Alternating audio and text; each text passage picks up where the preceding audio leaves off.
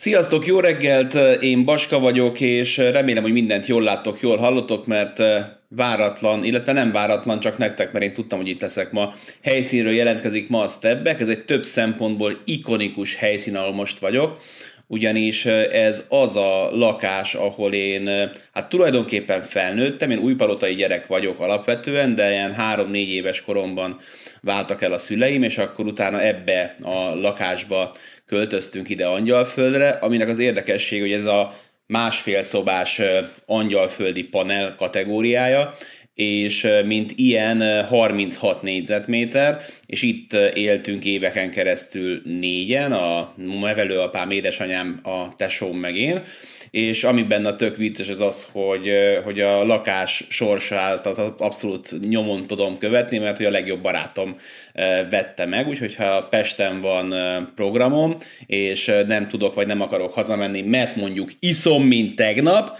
akkor, akkor Tomci mindig a, a rendelkezésre bocsát, bocsátja a gyerekszobámat. Én a gyerekszobában alszom, és már nagyon szépen meg van csinálva, és akkor most így együtt töltjük a délelőttöt haverkodással, mert délután meg majd lesz meccsem, és és, és akkor megkértem, hogy itt a nappalit hadd sajátítsam ki, és innen következzen a mai stepback. Úgyhogy remélem minden sikerült jól összerülni. Egy picit én gondba vagyok csak azért, mert nincs két monitorom, csak egy, bár biztos, hogy tudtam volna ebből kettőt csinálni, mert neki is van. Na mindegy, szóval kicsit sokat kell kattingatnom, többet, mint amennyit szeretnék, de remélem, hogy ez nem fogja bezavarni a mai történéseket. A mai történéseket, aminek ugye a szokásos menetrend szerint megyünk majd neki, vagyis lesz egy nagyobb témánk, aztán utána készültem nektek ma is érdekes rekordokkal, ami a nagyobb témánkhoz köthető, a végén pedig jön majd a komment szekció. Itt Zsombort még várom, lehet, hogy bealudt, ha így van, akkor majd én böngészek a kommentek között, ha közben megjön, akkor meg majd Discordon érkeznek szokás szerint az üzenetek. Ja, itt van, itt van, itt van, jól van. Na, csak le volt kapcsolva az értesítés, úgyhogy nincs ezzel semmi gond. Szóval kezdjünk neki a mai nagy témánknak, és szolgálti közlemény, aki most itt van velünk a live-ban, hogy ugye ez most már a harmadik hete, hogy a live-ot miután véget ér lelövöm, de most már tényleg le fogom lőni, mert kiderült, hogy csak unlisted-re teszem, akkor az értesítésből meg lehet nézni, szóval most elvileg private lesz, és nem lehet majd nézni egyáltalán, és podcastként kell elérhető, illetve a fő anyagból készül majd egy vágott történés, úgyhogy ez alapján fogunk ma haladni. Van egy régi Dakota közmondás, mely szerint a magasságot nem lehet tanítani, és mind, minden ilyen közmondás és közhely rengeteg igazságot rejt magában. Az NBA történelmét évtizedeken keresztül az óriások lábnyomában járva követhettük végig. Kezdődött az egész George Mickennel, aztán folytatódott Bill Russell-el és Will Chamberlain-nel, majd zárult a sor, a nagy legendák sora Karim Abdul-Jabbarral. Négy legendás név, négy a maga korában ellenállhatatlannak számító fegyver, akikhez néha módosítani kellett a szabályokon, hogy ne boruljon fel a liga egyensúlya. Például George Mikan volt az, aki miatt betiltották a goaltendinget, ugye amikor a gyűrű felé repül a labda, el lehetett ütni. Aztán megjött George Mikan, és ez lehetetlenné vált a pontszerzés, ha a pályán volt, emiatt betiltották. De miatt szélesítették ki a festéket is, mert beállt ez a hatalmas nagy darab szemüveges ember, és belöbbölték a labdát, berántotta, aztán vége volt a mesnek, kizavarták ugye a három másodperces szabályal a palánk és a gyűrű közvetlen közeléből. Bill Russell miatt nem lehet a goaltending betiltása után már a gyűrűn révő labdát elütni, ez a basket interference, ami egyébként Európában a mai napig létező fogalom, de hát érdemes csak egy ilyen FIBA rendezvényre eh, kitekinteni, amikor mondjuk ott van egy, eh, nem tudom, Kenneth Ferry típusú játékos, hogy ha ezt engedélyeznék az NBA-ben, eh, akkor abból milyen kalamajkák lennének. Will Chamberlain miatt nem lehet úgy büntetőt dobni, hogy átléped, átugrod a, a, a testeddel a, a vonalat, mert hogy Will Chamberlain Chamberlain megpróbálkozott azzal, és egy ideig nem volt ellene szabály, hogy ő neki futott, felugrott a büntetővonal végéről, és dobott a végén egy pincért. Tehát ez a statisztikájának elég jót tett, viszont a büntető százalékot eléggé hát unfair módon befolyásolta, így ezt is betiltották. Karim Abdul Jabbar miatt pedig egy időben az egyetemi bajnokságban képzeljétek betiltották a zsákolást, ezt néhány év múlva egyébként aztán feloltották ezt a tiltást.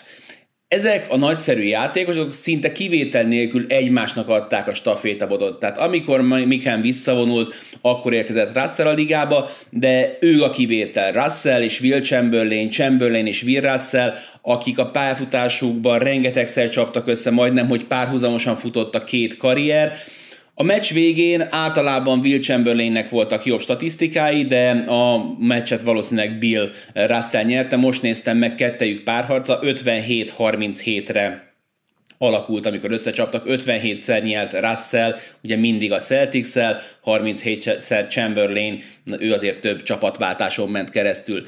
Bajnoki címből Bill Russellnek 11 jutott, Will Chamberlainnek mindössze kettő, ez is hatalmas különbség. És amikor Karim Abdul-Jabbar átnyújtotta volna a saját staféta botját, akkor már többen nyúltak volna érte, nem hogy ketten, hanem hát egy nagyjából évtizedes átfutással minimum négy klasszikus, legendás centere volt a 80-as, 90-es éveknek. Kezdeném a sort Patrick ewing aki ugye a pályafutása oroszlán részét a Knicksben töltötte, a végén egy kis méltatlan orlandói Seattle kitérővel, Hakim Olajuwon, akinek a végén Torontóban kellett próbálkoznia, de két bajnoki címet nyert a Houston rockets David Robinson, aki az első percről az utolsóig a San Antonio Spurs mezében játszott, illetve Shaquille O'Neal, aki ugye az Orlandóban kezdte, a Lakersben folytatta, aztán utána Miami, Phoenix, Phoenix, és még ki tudja hány csapatot ejtett útva, mielőtt visszavonult volna és tévés szakkommentátor lett belőle.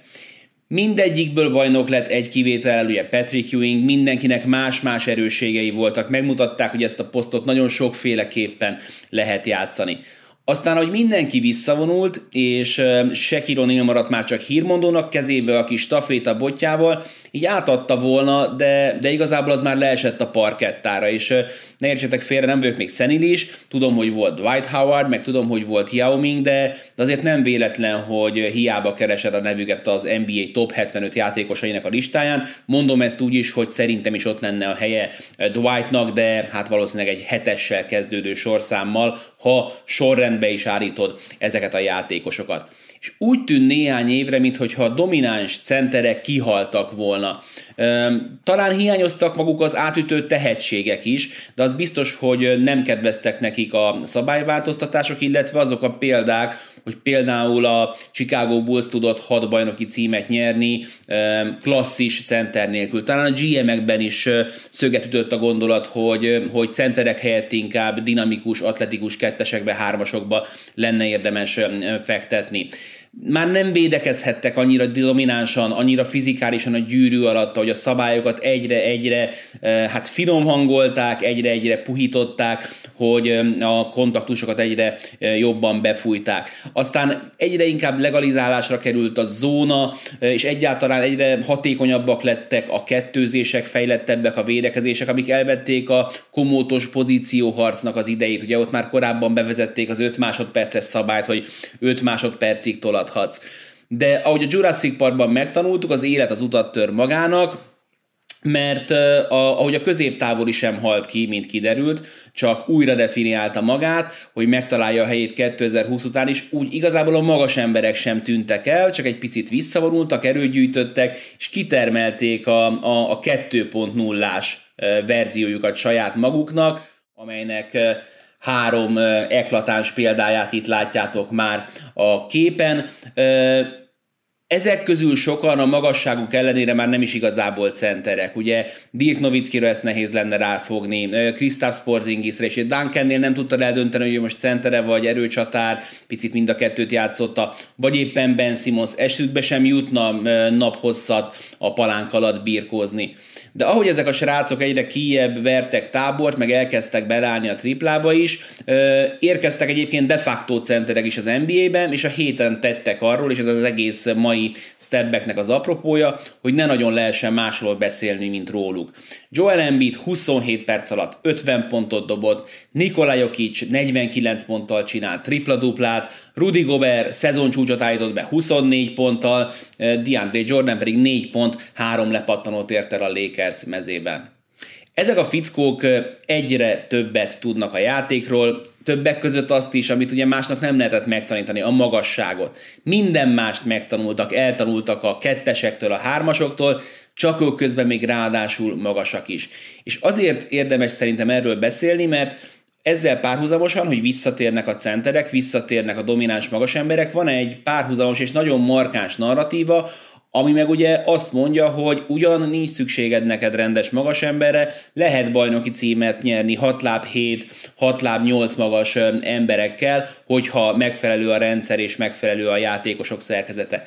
És valószínűleg ez is igaz a megfelelő paraméterek mellett, de pont amiatt, hogy egyre inkább a reflektorfény rá irányul ezekre a 6 láb 7, 6 láb 8 magas emberekre, az átlagos magas ember is már olyan skillsettel rendelkezik az NBA-ben, ami néhány évvel korábban még ritkaság számba ment volna, mert pontosan tudja az, hogy ha, ha nincsen triplája, hogyha nincsen elit vezetése, ha nem elég fürge, hogy a kisebb emberekkel is tudja tartani a lépést, a, lehet, hogy lehúz néhány évet a ligában, lehet, hogy 10 plusz évet le, lehúz a ligában, és meg fogja szedni magát, de, de, de nem, nem lesz alapember, nem lesznek masszív játékpercei, el fogja kerülni a nagy zsé, most mondok egy Cody Zellert, vagy mondok egy Bismack Biombot, voltak magas emberek, de a súlyuk, a jelentőségük az változott. És ez viszont adja meg adta a kérdést, hogy hogy, és ezt néhány éve szerintem értelmetlen lett volna feltenni, hogy lehetne bajnoki címet nyerni csak óriásokkal. Ugye arra gondoltam, hogy ebben a mai videóban összerakok egy olyan kezdő csapatot, ahol mindenki legalább 6 láb 10 magas, és nézzük meg, hogy milyen esélyeik lennének. Két csapatot hoztam, és mindjárt elmondom, hogy miért, mert az egyiknél nem néztem a költségeket, nem néztem, hogy mennyit keresnek, az öt legjobb de egyébként nagyjából csapatot alkotó 6 láb 10 magas játékost pakoltam egymás mellé. A másiknál viszont figyelembe vettem azt, hogy nagyjából mi az a plafon, amit ki lehet hozni kezdőcsapatra elköltve az NBA szabályait figyelembe véve. És egyébként nagyon durva eredményeket kaptam, mert az idei fizetési plafon egy picivel több mint 110 millió dollár, amiben bele kéne férni ugye a kezdőtösnek, a hatodik embernek, a roleplayereknek a kispadról, meg a minimálbértkeresőknek, meg úgy, úgy nagyjából mindenkinek. Ennek 112 milliót környékén kéne beleférnie. Most ehhez képest a Fillinek a kezdőtöse, még Simonszal 117 millió dollárban áll meg, de ha átnézzel Los Angelesbe, vagy éppen San Franciscoba, a Lakers meg a Warriors nem ússza meg 130 millió dollár alatt csak a kezdő ötösét. Én próbáltam konzervatív lenni, először 115-be beleférni, aztán végül saját magamat felülbírálva 125 milliót szabtam meg a másik ötösömmel, azzal a kikötéssel, hogy csak egy újon szerződést tehetek bele, mert az sem életszerű, hogy van, érted, hát Big Freed, meg van mellé két egy per egyesed, tehát egy újon szerződés lehet benne. Úgyhogy nézzük meg ezt a két gárdát, akit összepakoltam, és beszéljünk egy picit róluk. Íme az első, az, hogy Jokic ott van, nem hiszem, hogy meglepetés. Durant, Giannis Antetokounmpo, Joel Embiid és Ben Simmons került be. Lehet, hogy némi meglepetésre. Megmondom őszintén, hogy az első verzióban még benne volt Gober, eh, hogy a palánk alá oda tegyük, de, de minek ebbe a csapatba több védekezés? Tehát Embiid elitvédő, Jannis elitvédő, Ben Simmons elitvédő, Durant, ha valamivel, akkor csak éppen egy hangyapöcsnyivel lehet alattuk, és eh, azt gondolom, hogy Nikola Jokic is elképesztően sokat fejlődött ezen a területen. Minek hozzunk több védekezést ebbe a csapatba, minek hozzunk több atletikát ebbe a csapatba, eh, a blokkok is is azért meg lesznek, nagyjából nem láttam a szükségét Gobernek, és túlcsábító volt az, hogy legyen egy kvázi rendes irányítóm, aki elég fürge ráadásul ahhoz, hogy terrorizálja a kisebb irányítókat, és igazából azt se bánom, hogyha ezt a csapatot tényleg megpróbálom csapatként kezelni, hogy nem vállal dobást, tehát megnéztem a Simonson kívüli négyesnek a usage rate hogy összeadom, akkor ilyen 130%-ot kapnék, értelemszerűen mindenkinek lejjebb kéne adnia, nem kell itt még, hogy az irányító is szórjon, dobjon mindent. Ez a négy fickó még Simons nélkül is mer, ver meccsenként jelenleg hat triplát, és nem tűnik soknak, de csak a kezdőtösről beszélünk. A Washington Wizardsnak a teljes csapata éppen, hogy csak 10 triplát vállal, illetve dob be mérkőzésenként, és ezzel play helyen vannak keleten, úgyhogy azt gondolom, hogy egyfelől lesz majd még egy kispadunk, onnan még érkezhet mondjuk egy Bertans, vagy bárki, aki hét láb fölött egy Porzingis dobálja a triplákat. Másrészt meg azért azt is képzeljük el, hogy milyen brutális eltolódások lennének a rengeteg duplázás hibázás, meg a spacing anomáliák miatt, hogy egy Kevin Durant, vagy egy akár Nikola Jokic, vagy egy Joel Embiid beleálljon egy triplába. Szóval emiatt sem feltétlenül aggódnék. A kispadra még simán jöhetne egy-két mesterlövész, de hát képzeljétek el ezt a csapatot a pályán, mi lenne a, a gyenge pontjuk. Hát a pontszerzéssel nem látom magam előtt, hogy gyakorlatilag bármilyen védekezés ellen ö, problémájuk lenne. Ö, az meg, hogy védekezésben meg lehet-e őket izzasztani, ott, ott segítsetek, hogy, hogy egész pontosan olyan, hogyan.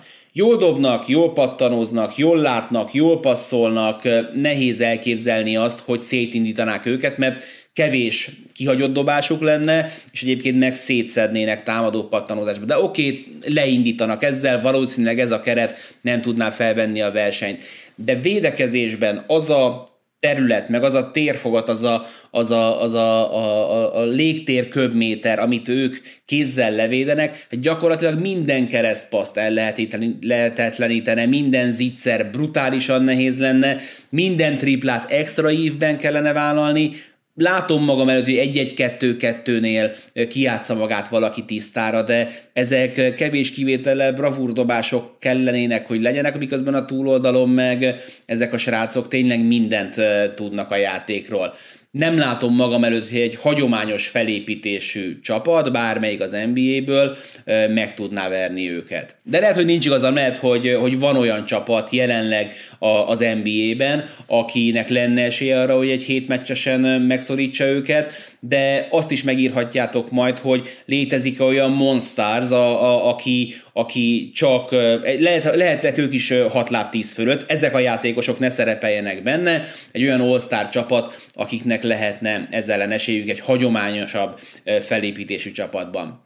Na de legyünk reálisak, és rakjunk össze egy olyan csapatot, ahol ezt a 125 millió dolláros keretet lehet nagyjából tartani.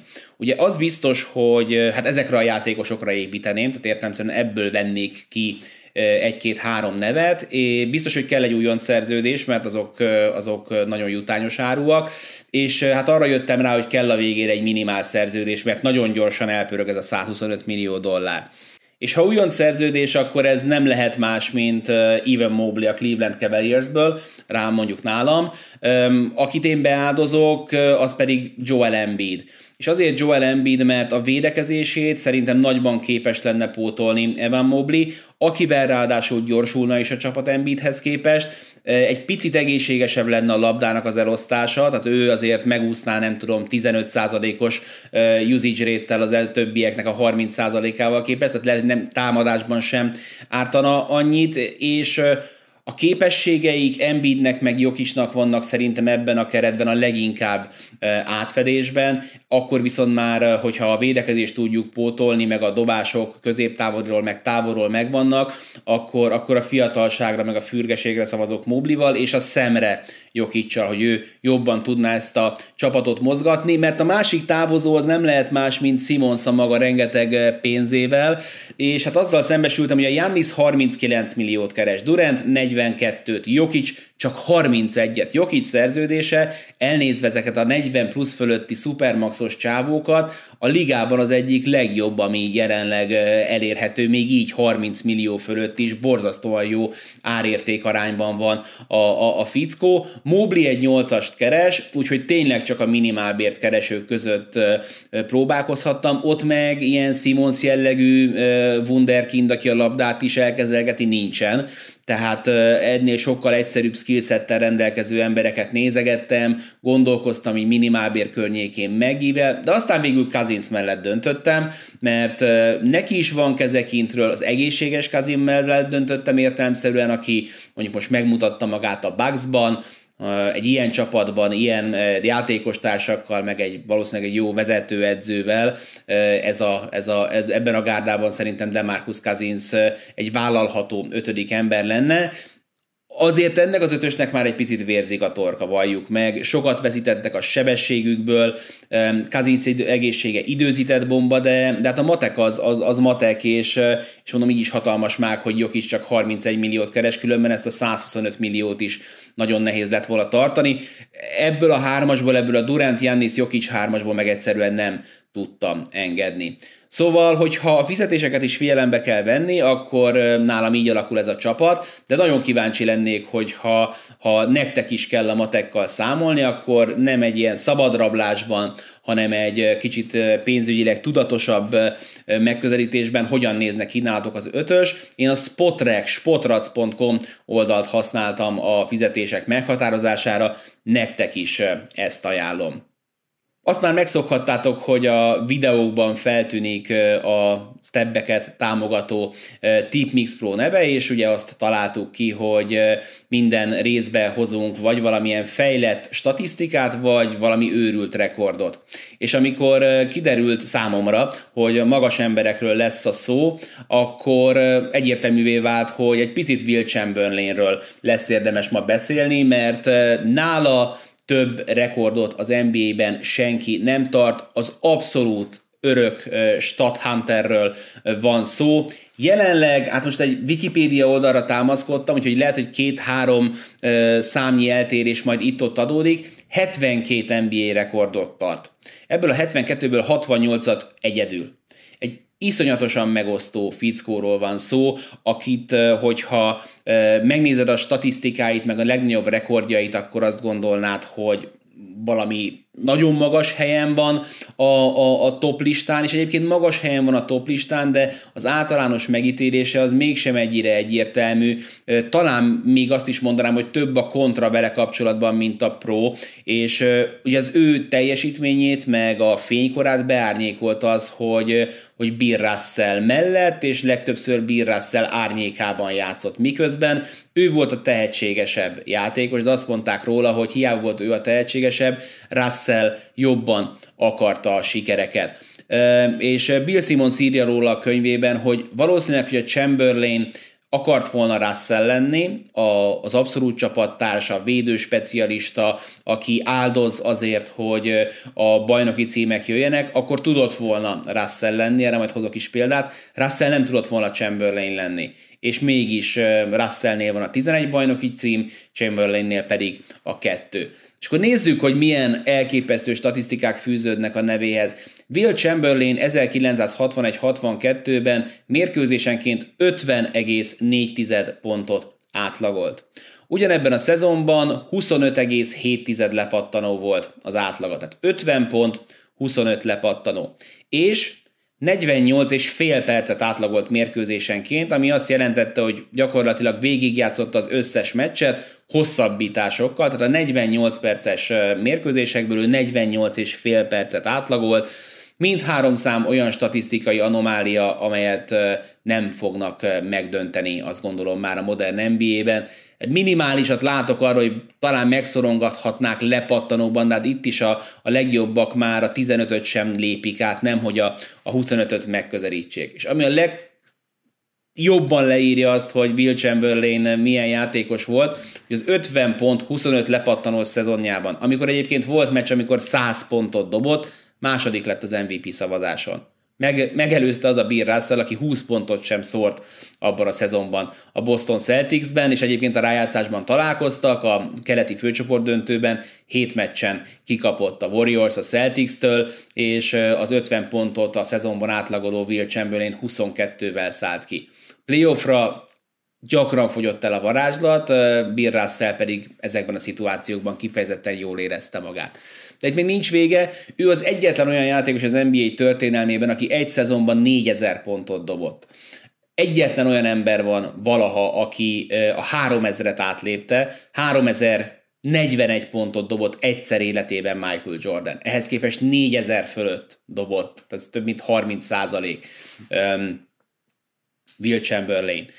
Ugye azt beszéltünk, hogy egy meccsen dobott legtöbb pont az hozzáköthető százzal, amit tehát ugye, hú, mennyi, 81 pont a következő Kobe Bryant-től, ami, hát hogyha megnézzük, az is egy ilyen majdnem 30%-os lemaradás. Most ehhez képest az egy fél időben dobott pontoknál, hiszem 52 jutott Kobi, és 59-nél tart Will Chamberlain, tehát ott már azért látótávolságban volt Kobi, tehát az, hogy ezt egy egész meccsen hoz, ez csak nem lehetetlen. Ő az egyetlen játékos, aki egy szezonra 4000 pontja mellé 2000 lepattanót le tudott volna húzni, ez sem sikerült rajta kívül senkinek. És a legtöbb lepattanó rekordját is ő tartja egy meccsen, az 55-öt. És ami a nagyon durva chamberlain kapcsolatban, és az ő rekordjaival kapcsolatban, hogy amikor ő játszott, akkor még a kulcs védő statisztikákat nem számolták. Nem számolták a labdaszerzéseket, és nem számolták a blokkokat.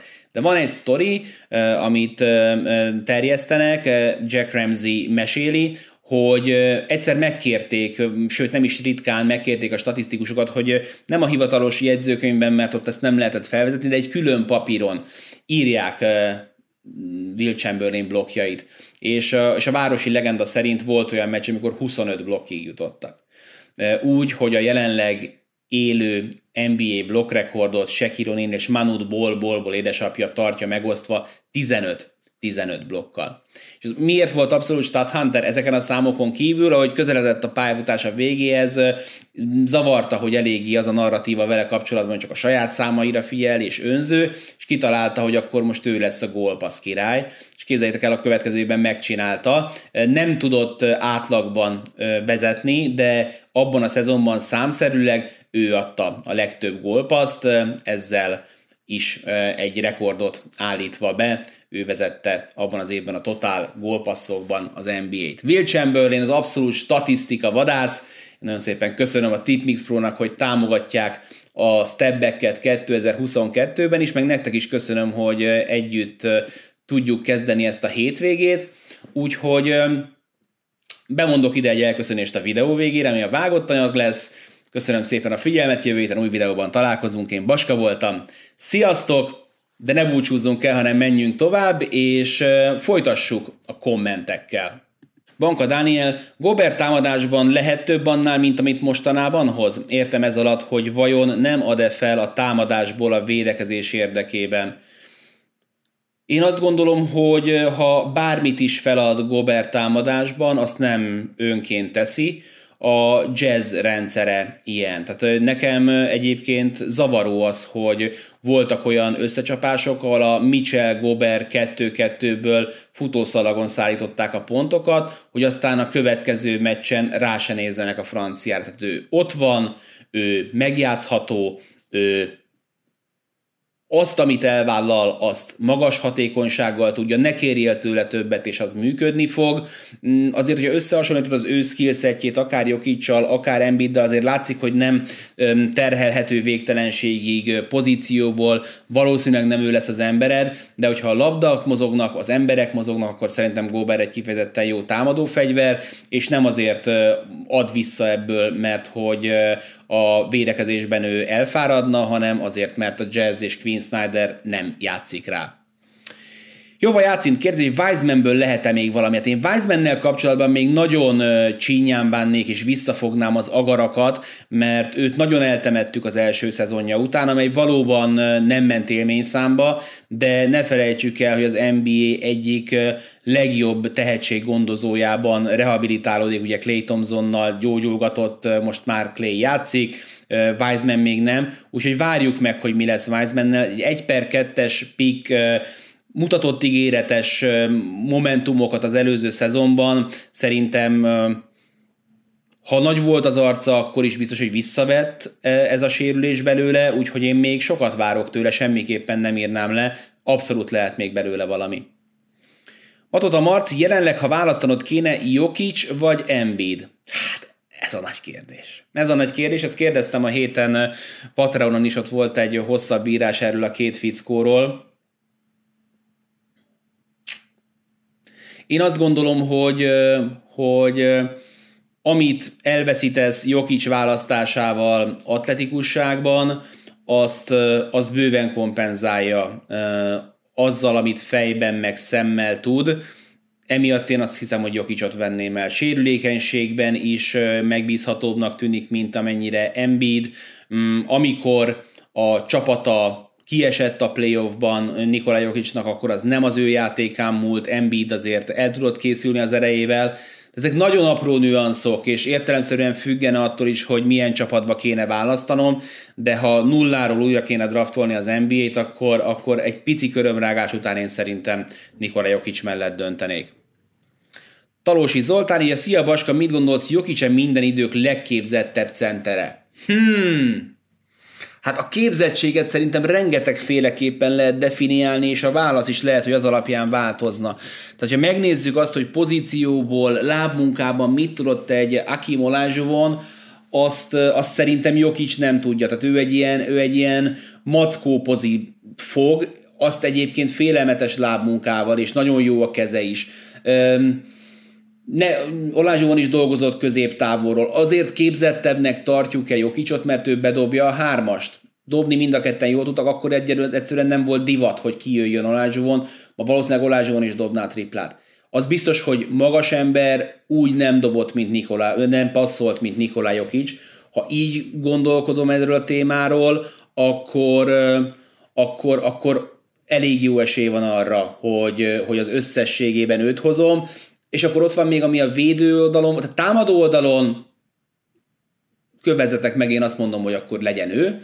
Védő oldalon azért van még mit tanulni valója, és hogyha ezt összehozzuk, összegyűrjük egy játékosba, akkor lehet, hogy még, még, még, még, még egy picit kellene, kellene erősödnie, hogy ő legyen az első. Kámisi egy, érdekes visszanézni a régi magasok statjait, Mikán például 40%-os mezőnymutatós karrierrel büszkétkedhet, a szintén Hall of Famer Darth Chase pedig 38%-kal. Bezony, igen, pedig hát ugye mondom, Mikán miatt a, a, újra kellett festeni a parkettát, hogy nagyobb legyen a festék. Murát Szabolcs, hogyan volt Wilt egy meccsen képes 55 lepattanót lehúzni, ma egy csapat sem szer ennyit, mi volt ennyire más a játékban az ő korszakában? Hát tudott gyorsabb lenni a tempó, gyengébb volt a dobó százalék, és hát hogyha Russell Westbrookot megtaláltuk azért, hogy a csapattársak segítettek neki lepattanót szedni, akkor ezeken a mérkőzéseken, mondjuk a 100 pontos meccsen is, tehát tényleg a, a jegyszedőtől kezdve a büfésen át mindenki azon dolgozott, hogy Will Chamberlainnek időnként összejöjjön egy-egy rekord. Heizer Daniel, Mexiben nem gondolkozták Kazinsz helyett, neki 6-7 millió van a piaci értéke, és ehhez képest jó számokat hoz. Melyik Mexire gondolsz, Dani? Mert hogyha a Philadelphia-ira, akkor ő 6 lát 10-ből nincsen meg. Vagy nem tudom, bocs, nem ugrik be, hogy van más Mexi az NBA-ben jelenleg. De hogyha igen, akkor bocs. Jazz írja, valami, mintha elindult volna Indiben és New Orleansban, te hogy látod? Az Indián nekem hasonló csalódás volt, vagy hatalmas csalódás volt, sokkal többet vártam a kerettől is, pláne, hogy kapnak egy Rick Carlisle maguk mellé.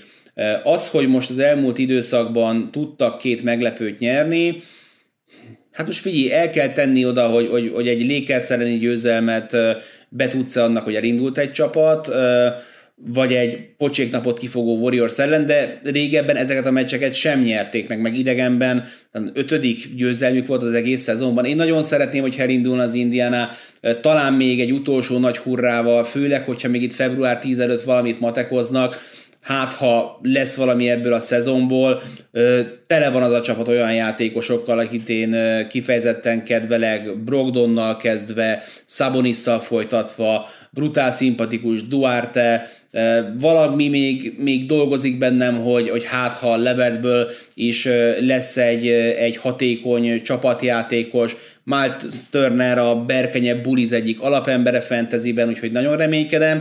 A New Orleans Pelicansnél valamennyire ugyanezt látom, ott ugye Ingramnek nem tesz jót az egészségi állapotának, hogy rengeteg figyelem pontos, pontosul rá, és sokat kell játszania.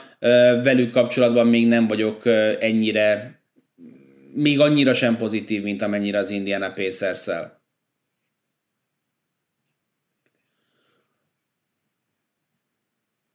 Lesz-e, el lesz Simons cserélve cserehatáridő előtt? Kérdezi Spanifej.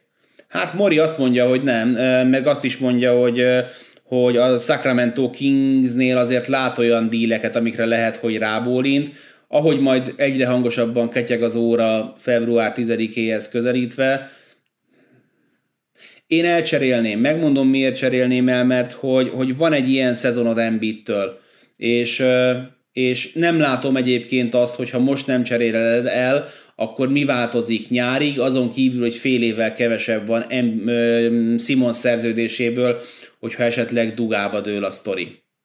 Ez a gondom vele, hogy szerintem nincs miért várni. Ha most nem cseréled el, miért lesz magasabb az értéke nyáron? Viszont ha most elcseréled, akkor a Fili még idén csinálhat valamit. Én, én rámennék. Én rámennék, és nem feltétlenül a sztárokat keresném, hanem a, hanem a megfelelő kiegészítő embereket ebbe a csapatba. Ha már megcsinálod a szerkesztett verziót, nem erfélre vágatlan is, írja Marci, vagy kérdezi Marci, ezt a kettő ezelőtti uh, stepbackben elmeséltem, hogy mi ezzel kapcsolatban a koncepció, podcastként végig tudod hallgatni, nem szeretném hosszú távon kintartani a, a, a, a csatornán a, az egy óra pluszos anyagokat, hanem ott inkább ezeket a vágott 15-20 perces anyagokat szeretném mert szerintem jót fog tenni a csatorna egészségi állapotának és, és bizonyos szempontból nézettségének is. Podcastként hallgatható, nem hiszem, hogy bármilyen szempontból élménycsökkenés, hogy nem lehet látni közben az én nagy fejemet. Megint Fan kérdezi, hogy New Yorkban érdemes elgondolkodni Thibs leváltásán. Hát én azt gondolom, hogy, hogy New Yorkban meg Atlantában is meg kell vizsgálni ezt a kérdést, ha már két keleti csapatról beszélünk, mert, mert én azt gondolom, hogy egy olyan csapatnál, amely tele van fiatal, fejlődőképes játékosokkal, gondolok itt az Atlantára, akik együtt maradnak, hogy azok hogy esnek vissza 15 helyet védekezésben, Istivel ebben különbözik a véleményünk, ő azt mondta, hogy szerint ez nem edzőkérdés, szerintem abszolút edzőkérdés is, és könnyebb az edzővel kezdeni valamit, mint a játékosokkal. És hát Thibodónál is azt gondolom, hogy, hogy van keresni valója a, a kritikának nála, Mondom ezt úgy is, hogy a nyári igazolásaikkal már akkor vakartam a fejemet a Walkerrel is, meg Fournier-vel is kapcsolatban, hogy nekik most ilyen típusú arcokra van szükségük, egyiküket se a védekezésért szereted, miközben Tom Thibodeau-nál meg ez egy, egy alap lenne, de Randall visszaesését ez sem magyarázza. Szerintem a szezon végét még meg fogják várni, hogyha ebből nem lesz playoff, akkor én azt gondolom, hogy lépni fognak. Varga Sándor, szia Baska, szerinted a Heat valódi bajnok esélyes? Szerintem sajnos nem, hiába Hero Butler Adebayo a végén kevés a szakszervezet, kell egy tökös, stabil vezér. Vélemény. Szia Sándor, a múlt heti stebbek pontosan ezzel a kérdéssel foglalkozott, kiegészítve a Memphis Grizzlies-zel ezt a videót ajánlom és a videó címe titkos bajnokesélyesek volt, tehát a hit jelenleg nem valódi, hanem titkos bajnokesélyes, nálam még legalább. Endrefi Miklós, van-e most olyan csapat a ligában, aki hajlandó lenne játékosokat és vagy ceklitikát adni Rasszért cserébe? Melyik gárda lehetne három éven belül a negyedik csapat a Westbrooknak? A kérdés kiváló, és biztos, hogy van, aki erre tud neked válaszolni. Én ezeket a gondolatkísérleteket felesleges kalóriaégetésnek tartom, és minden egyes kalóriára szükségem van, mint ez jól látható, úgyhogy nem gondolkozom ezen. Józanésszel azt gondolom, hogy nincs ilyen csapat, rációt nem látok benne, de én azt gondolom, hogy, hogy nekem már az is meglepetés volt, hogy Houstonból el lehetett cserélni, és azóta már kétszer elcserélték, úgyhogy never say never, de nem szoktam ezen gondolkozni. Hová teszed a Mavs utolsó 10-15 meccsét, hihető ezen idő alatt mutatott védekezés fenntartása Szabó Balázs? Na, ha nem lett volna a héten ilyen goberünk, meg ilyen nem, embidünk, meg ilyen jokicsunk, nem feltétlenül ebben a sorrendben, akkor a Dallas jött volna a stepbackbe. Azt, hogy a védekezést fenn lehet tartani ilyen szinten, azt, azt én abszolút látom. Tehát, hogy a, a védekezésben ez a jó, hogy, hogy az nem dobóforma, ami elmegy egyik meccsről a másikra, hanem az rendszer és fegyelem és a rendszer az marad, a fegyelem, hogyha a játékosokon múlik, marad. Tehát ha csak valaki majd a playoffban nem talál valami ellenszert, akkor ez a védekezés az abszolút fenntartható. Kérdés, hogy a támadó játékkal tudnak-e előrelépni. Filip írja, szia Baska, gondolom hallottál hogy a Lakers Horton Tuckert, Nant és egy elsőkörös piket adnak Grantért. Szerinted megérné Nant elcserélni, hiszen még nem is láttuk játszani? Hát figyelj, azért azt gondolom, hogy Nannak a jobb a híre, ő azért olyan fura karriert futott be a Miami Heatnél, és igen, valamennyire kockáztatás, de hát Horton Tuckernek elég hamar zuhant meg a részvényértéke ahhoz képest, hogy tavaly kvázi ugye mellette tette le a voksát a vezetőség Alex Caruso mellett. Én azt gondolom, hogy, hogy ő a Lakers, amíg itt van mm, LeBron James, mindig win now üzemmódban van, azt, hogy spacingben ezt hogyan oldják meg, mert ha jön Grant, akkor az szinte biztosan azt jelenti, hogy Davis-t centerbe kell állandóan játszatni, ezt majd ők kitalálják. Az egyik részt, az, hogy Horton Tucker és Nunn és egy elsőkörös tud adni a Lakers, ez biztos. Azt, hogy mindenki bejelentkezett Grantért, ez is biztos. Azt meg elhiszem neked, hogy ezt a kettőt összekötötték Grant nagyon népszerű, szerintem a Lakersben nem a legideálisabb fit, tehát ebbe a csapatba inkább hoznék külső embert, meg dobót, mint, mint még valakit a palán környékére. Banka Dani, van ma létjogosultsága egy sekhez hasonló centernek? Felépítés, játékstílus, stb.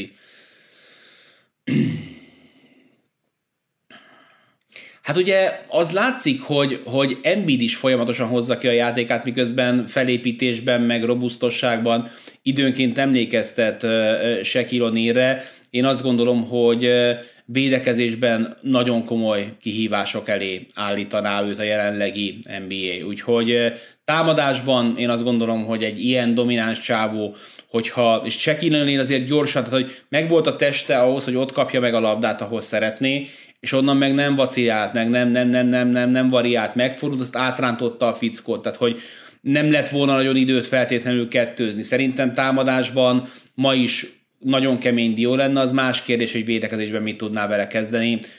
Ha arról az Oniról beszélünk, aki Orlandóban játszott az első három-négy évben, gyorsaságban, fizikumban, atletikusságban, neki viszont azt, abszolút, azt gondolom, hogy most is, most is lenne helye. Fun fact, így a Grafur Levente, Wiltnek van 118 meccse, ahol számolták a blokkokat, és 8,6 blokkot átlagolt ezen a meccsen. Elképesztő szám. Um, Zsigmond András Mámiban idén sok kis fizetésért játszó játékos nagyot játszik, kit tartaná meg közülük jövőre? Martin Struss, Vincent, Jurtseven, vagy van esély megtartani mindet? Hát szerencsére itt a spotrek, úgyhogy gyorsan megnézzük, hogy mi a státusza ezeknek a srácoknak. Szerintem van, akinek jövőre is van közülük szerződése, de majd mindjárt megnézzük. Azt mondja, hogy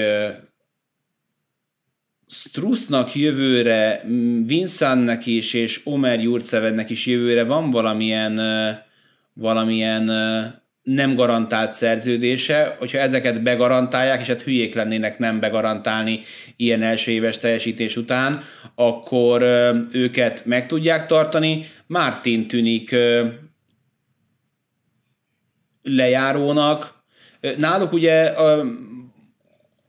a saját bőrjogaik nekik szerintem még nem lesznek, mivel ők így a, a, a, az utcáról jöttek be, tehát szerintem mindet nem fogják tudni majd megtartani, választani kell majd a hitnek közül. Hát nagyon sok minden függ attól, hogy mi lesz velük a playoffban, és ki hogyan teljesít majd közülük. Struszt azt megtartanám, Igen, én valószínűleg Struthra és Jurceverre mennék rá, hogyha választanom kellene ezek közül a nevek közül. Ha van olyan deal, amiben ez, ez működőképes lehet.